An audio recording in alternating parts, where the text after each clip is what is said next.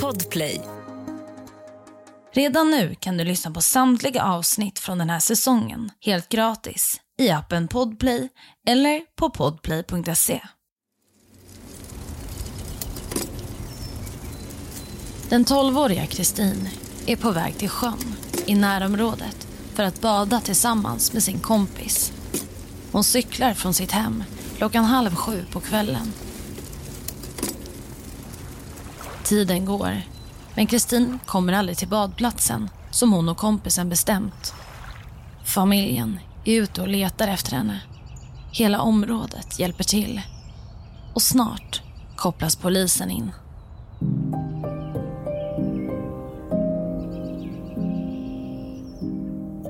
Du lyssnar på Jakten på mördaren med mig, Saga Springhorn.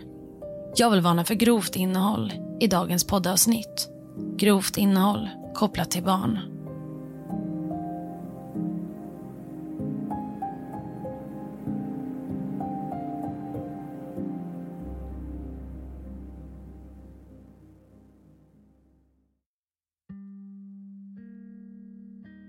Året är 1999 och vi befinner oss i Norge, i Hedrum kommun.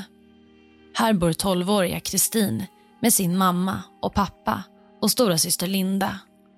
De bor tillsammans på en liten gård i ett lantligt område. Kristin var en lugn tjej som älskade djur och att läsa böcker. Hon hade många vänner och just den här dagen, den 5 augusti, hade hon bestämt träff med en av dem. Det är en varm sommardag. Kristin ska träffa sin kompis vid den närliggande sjön. De ska bada tillsammans. Sjön ligger cirka två kilometer från familjens hus. Det är från början bestämt att Kristins stora syster Linda ska skjutsa henne med bilen till sjön. Men Kristin vill gärna cykla och ber därför om lov. Området som de bor i betraktas som tryggt. Kristin hade cyklat ensam flera gånger förut. Det hade aldrig varit några problem. Hon får därför tillåtelse att cykla ner ensam till sjön. Pappa Roar går in och hämtar cykelhjälmen. Han ger den till Kristin och klockan 18.30 cyklar hon iväg. Kristin är nu ute och cyklar på huvudvägen ner mot sjön. I samma veva är stora systern Linda på väg hem från arbetet. När Linda kommer körandes på vägen ser hon sin syster på cykeln. Linda blir irriterad. Hon ser att Kristin tagit hennes cykel. Linda åker vidare hem. Hon hade precis som Kristin bestämt badträff med en kompis.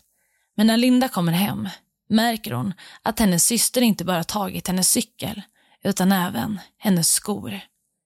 Linda bestämmer sig för att åka ner mot sjön för att få tillbaka sina skor. Men när Linda kommer fram till badplatsen är inte Kristin där.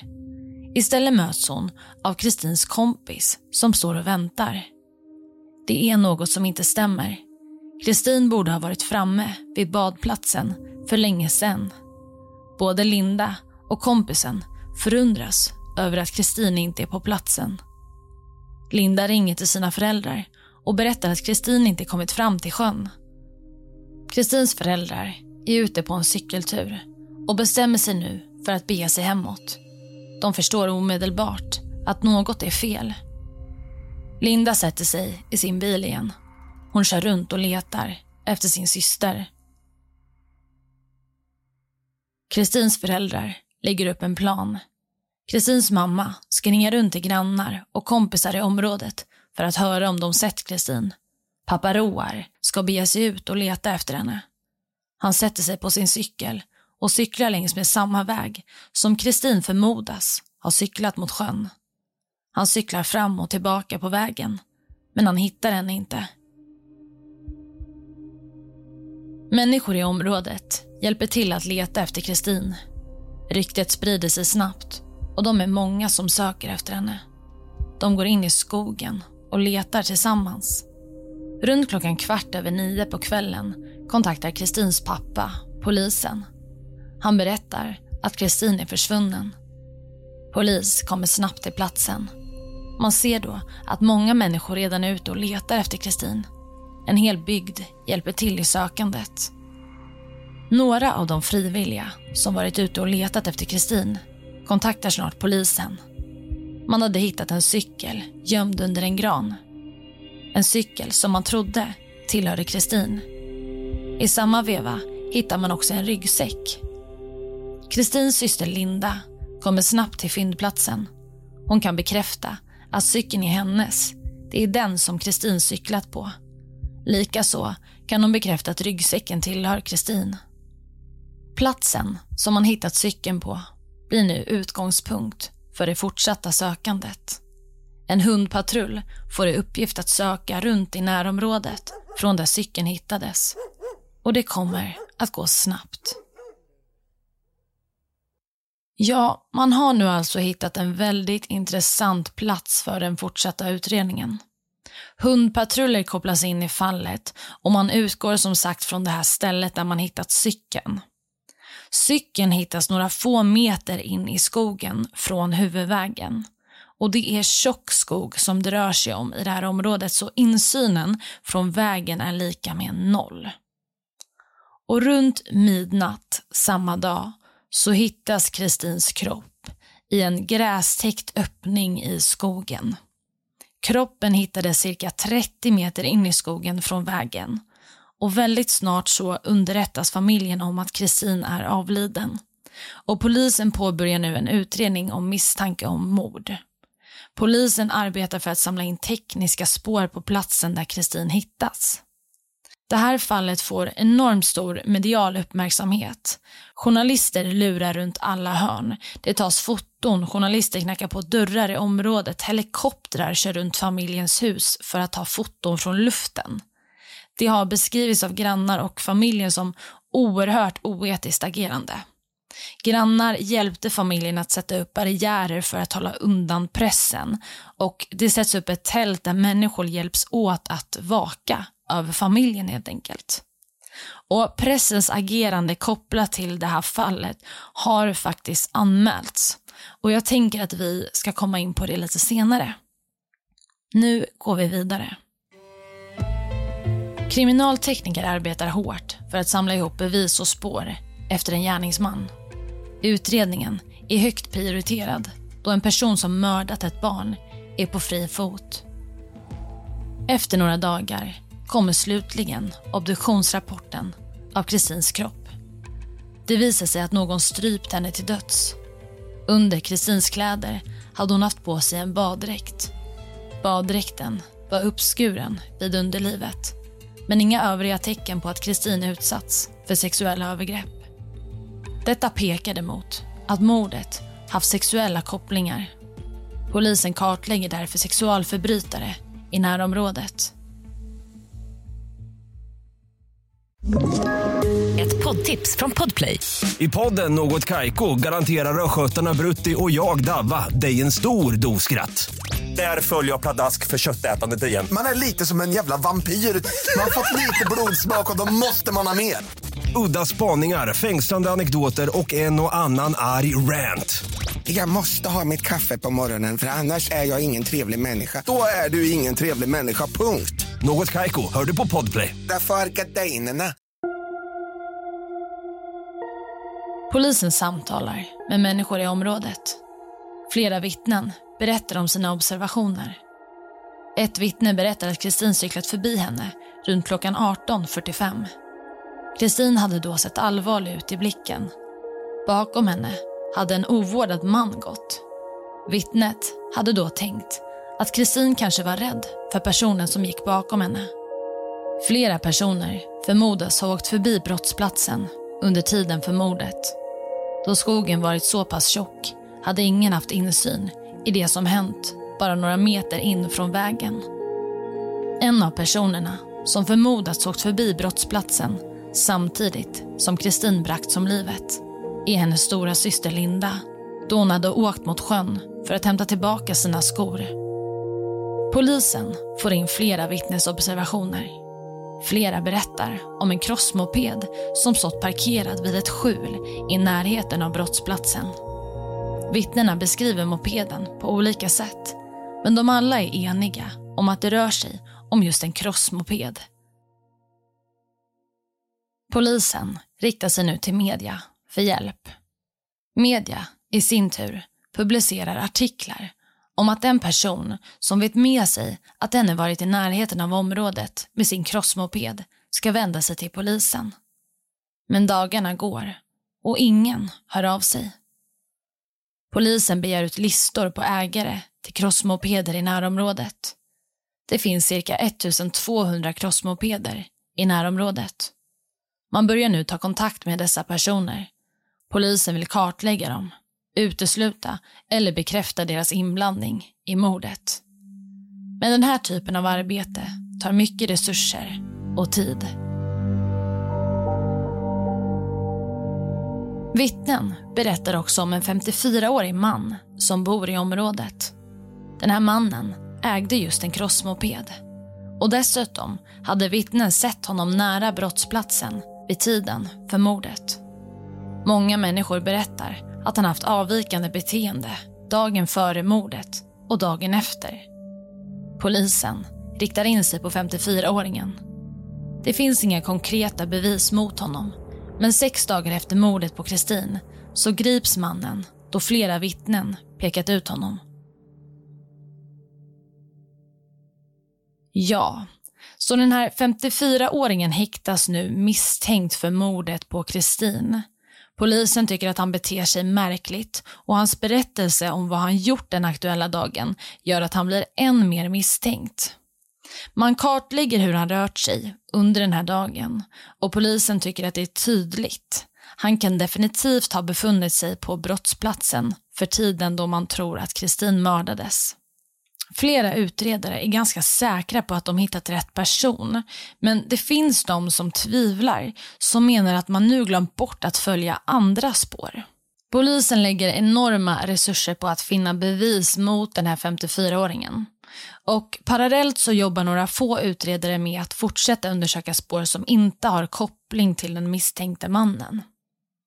Några dagar efter mordet på Kristin så kommer en ung kvinna in till polisstationen. Hon berättar att hon varit ute och cyklat den 5 augusti, alltså samma dag som Kristin mister sitt liv. Den här unga kvinnan berättar att en man på moped har följt efter henne. Mannen hade kört förbi henne, stannat in och väntat in henne. Han hade vänt om, kört tillbaka, kört runt henne. Mannen hade gjort henne väldigt, väldigt rädd. Den här mannen har också vid flera tillfällen kört förbi henne för att sedan stanna mopeden, hoppat av och gått mot henne. Det här sker upprepade tillfällen när kvinnan cyklar längs en väg. Och den här unga kvinnan kan beskriva mannens moped och även berätta hur han ser ut. Och som ni kanske minns så begärde polisen ut listor med krossmopeder från närområdet. Och nu när den här unga kvinnan kan beskriva mannens moped mer ingående med färger och så vidare så kan man skära ner antalet personer på den här listan med krossmopeder från 1200 till 13 personer. Så polisen börjar nu kartlägga de här 13 personerna och väldigt snart så är det en som sticker ut. Det är en 24-årig man som har familj i närområdet kopplat då till brottsplatsen. Han är inte känd av polisen sedan tidigare och mannen har varken utbildning eller arbete. Vi går vidare. Det görs nu en fantombild av mannen som den unga kvinnan berättat om. Denna bild publiceras i media. Fantombilden visar en ung blond man. Han är ljushyad och har en blå sweatshirt på sig. Polisen vill nu komma i kontakt med den misstänkte mannen. Men det ska visa sig att mannen inte befinner sig i Norge längre. Han hade rest till Sverige. Dit hade han åkt bara några dagar efter Kristins död. Några norska utredare sätter sig nu på ett plan och åker till Sverige för att förhöra mannen. 24-åringen säger i förhör att han kört runt med sin moped i närområdet den aktuella dagen.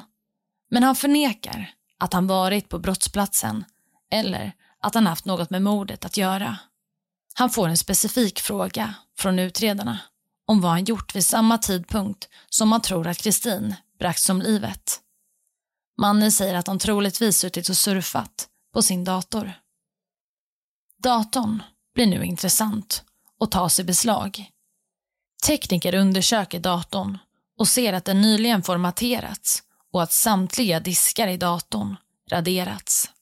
Utöver det visar det sig att 24-åringen bränt upp de kläderna, samma kläder som han haft på sig den 5 augusti. Det här är något som gör att misstankarna gentemot 24-åringen ökar drastiskt. Det är flera indicier som talar för att polisen hittat rätt person. Den unga kvinnan som tidigare berättat om mannen som förföljt och trakasserat henne när hon cyklat får återigen komma in till polisstationen. Polisen lägger fram bilder på ett flertal män och kvinnans uppgift är att peka ut den som trakasserat henne den 5 augusti. Och genombrottet kommer. Kvinnan pekar ut den 24-årige mannen. Den 54-årige mannen som sitter häktad och misstänkt för mordet sedan innan släpps nu. Polisen har inga tydliga bevis mot honom och anklagelserna läggs ner. Mannen släpps på fri fot. Nu är det istället den 24-åriga mannen som är huvudmisstänkt. Men polisen behöver mer bevis mot mannen. Vid brottsplatsen hittades hår som man nu vill analysera. Men under den här tiden är tekniken för DNA-undersökningar kopplat till hår ganska dåligt utvecklad. Man behöver en hårrot för att kunna få en säker DNA-träff. Men det finns ingen hårrot i hårstråna. Istället får man undersöka en annan DNA-typ i håret. Ett av hårstråna matchar med 24-åringens MT-DNA. Det här är inte ett individspecifikt DNA, ett sådant som man kan få om man till exempel hittar blod på en brottsplats. För att inte gå in för djupt på det här så kan man säga att MT-DNA är något som man ärver från sin biologiska mamma. Det är alltså ett DNA som även kan bäras av 24-åringens nära familjemedlemmar som också kan bära just det här arvet från sin mamma. Polis tvingas därför kartlägga familjemedlemmarna till 24-åringen för att kunna skriva av dem från brottsplatsen. Och det lyckas man med. Ingen av de resterande familjemedlemmarna verkar ha varit i närheten av brottsplatsen. Då finns det bara 24-åringen kvar. Ny säsong av Robinson på TV4 Play. Hetta, storm, hunger. Det har hela tiden varit en kamp. Nu är det blod och tårar. Fan händer just det. Det är detta inte okej. Robinson 2024, nu fucking kör vi! Streama söndag på TV4 Play. Ett poddtips från Podplay. I fallen jag aldrig glömmer djupdyker Hasse Aro i arbetet bakom några av Sveriges mest uppseendeväckande brottsutredningar. Går vi in med hemlig telefonavlyssning och, och då upplever vi att vi får en total förändring av hans beteende. Vad är det som händer nu? Vem är det som läcker? Och så säger han att jag är kriminell, jag har varit kriminell i hela mitt liv men att mörda ett barn, där går min gräns. Nya säsongen av Fallen jag aldrig glömmer på Podplay. Nio månader efter Kristins död grips 24-åringen i Stockholm. Han förnekar sin inblandning i mordet. Den 24-åriga mannen känner till området väl. Flera indicier och DNA från håret pekar på att polisen nu har rätt person. Polisen får dock motta en hel del kritik kopplat till fallet. Tidigare hade man gått ut i media och berättat att man troligtvis hittat rätt person. Det var i samma veva som man häktade 54-åringen som tidigare varit i fokus för utredningen. Och nu var man plötsligt helt säker på sin sak igen. Den 28 oktober 2001 inleds rättegången mot mannen. Åklagaren tror att mannen stått och väntat i skogen. När han sett Kristin har han stannat henne och lurat in henne i den tjocka skogen. Därefter stryper han henne till döds. DNA från hårstrået är viktigt. Utöver det bygger hela målet på vittnesobservationer. Något som kan komma att bli problematiskt. 24-åringen förnekar sin inblandning men döms trots det till 12 års fängelse för mordet på Kristin. Domen överklagas omgående.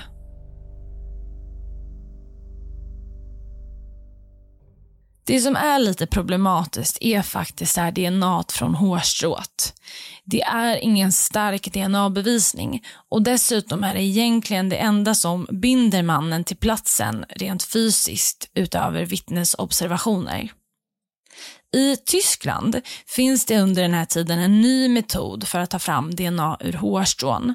Och här tänker sig åklagarsidan att det vore bra om det här laboratoriet i Tyskland kunde ta fram en DNA-profil ur eh, hårstrået. Men det blir verkligen inte som man tänkt sig. När resultatet kommer tillbaka så visar det sig att håret från brottsplatsen faktiskt tillhör en kvinna och inte en man. Utredningen faller nu helt och hållet och 24-åringen frikänns från mordet cirka ett år efter den tidigare domen. Han får en halv miljon kronor i skadestånd. Pappa Roar tänker dock inte ge sig. Hela utredningen har fallit men han måste sätta dit den person som dödat Kristin. Roar går igenom allt utredningsmaterial. Han lusläser samtliga pärmar, samtliga papper. Han vill försäkra sig om att polisen inte missat något. Kristins rum görs om till ett kontor. Roar vill sitta i rummet och kämpa för hennes rättvisa. Han vill bli påmind om varför han gör det här. Han jobbar dagarna i ända för att få fram bevis och nya ledtrådar. Han upptäcker att vissa saker faktiskt inte följs upp av polisen och dessa spår sedan till att avsluta och följa upp. Han letar och letar, skriver ner saker som han tänker på som kan bli viktigt för att reda upp fallet. Desto mer han undersöker materialet, desto säkrare är han på att det är 24-åringen som faktiskt är den person som bragt Kristin om livet. Roar hittar nya vittnen som kan berätta om mannen. Han hittar ny information han arbetade i år. 2013, när det gått hela 12 år, är han fortfarande säker på att det är 24-åringen som dödat hans dotter. Han kan inte släppa fallet förrän gärningspersonen fått sitt straff. DNA-tekniken går framåt och med påtryckning från Roar bestämmer sig polisen för att skicka in biologiskt material från Kristins kropp. Det är material som man tidigare inte kunnat analysera eller utvinna DNA ifrån. Men nu år 2013 ser det annorlunda ut. Man undersöker Kristins naglar. Naglarna hade legat nedfrusna i över tio år. Och man försöker nu få fram DNA från naglarna. Och man lyckas. Det kommer fram två DNA-profiler. Den ena tillhör givetvis Kristin själv. Den andra tillhör den frikände 24-åringen 2015. Den tidigare 24-åringen är nu 38 år gammal. Han sitter återigen häktad. Han är misstänkt för mordet på Kristin. Rättegången drar igång 2016. Han nekar, som han alltid gjort. Men nu finns det tillräckligt med bevis. Mannen döms till 13 års fängelse för mordet på Kristin.